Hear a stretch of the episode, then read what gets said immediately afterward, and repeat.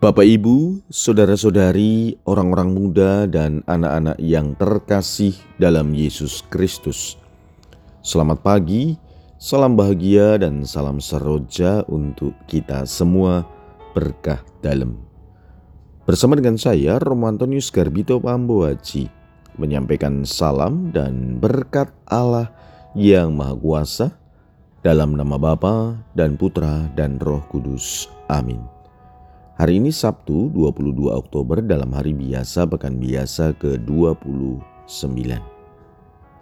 Bacaan pertama dalam liturgi hari ini diambil dari surat Rasul Paulus kepada jemaat di Efesus bab 4 ayat 7 sampai dengan 16.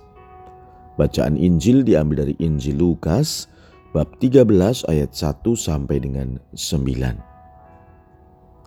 Pada waktu itu datanglah kepada Yesus beberapa orang membawa kabar tentang orang-orang Galilea yang darahnya dicampur Pilatus dengan darah kurban yang mereka persembahkan.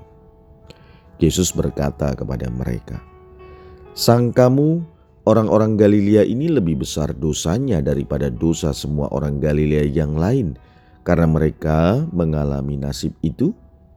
Tidak, kataku kepadamu." Tetapi jikalau kamu tidak bertobat, kamu semua akan binasa dengan cara demikian. Atau sangkamu ke delapan belas orang yang mati ditimpa menara dekat Siloam lebih besar kesalahannya daripada kesalahan semua orang lain yang tinggal di Yerusalem? Tidak, kataku kepadamu. Tetapi jikalau kamu tidak bertobat, kamu semua akan binasa dengan cara demikian. Kemudian Yesus menyampaikan perumpamaan ini.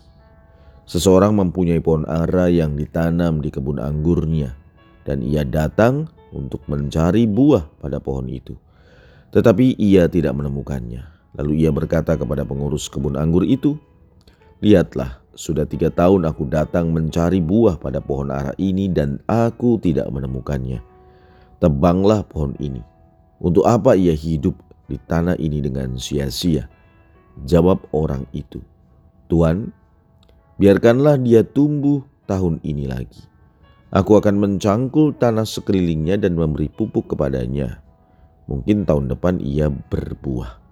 Jika tidak, tebanglah dia. Demikianlah sabda Tuhan. Terpujilah Kristus.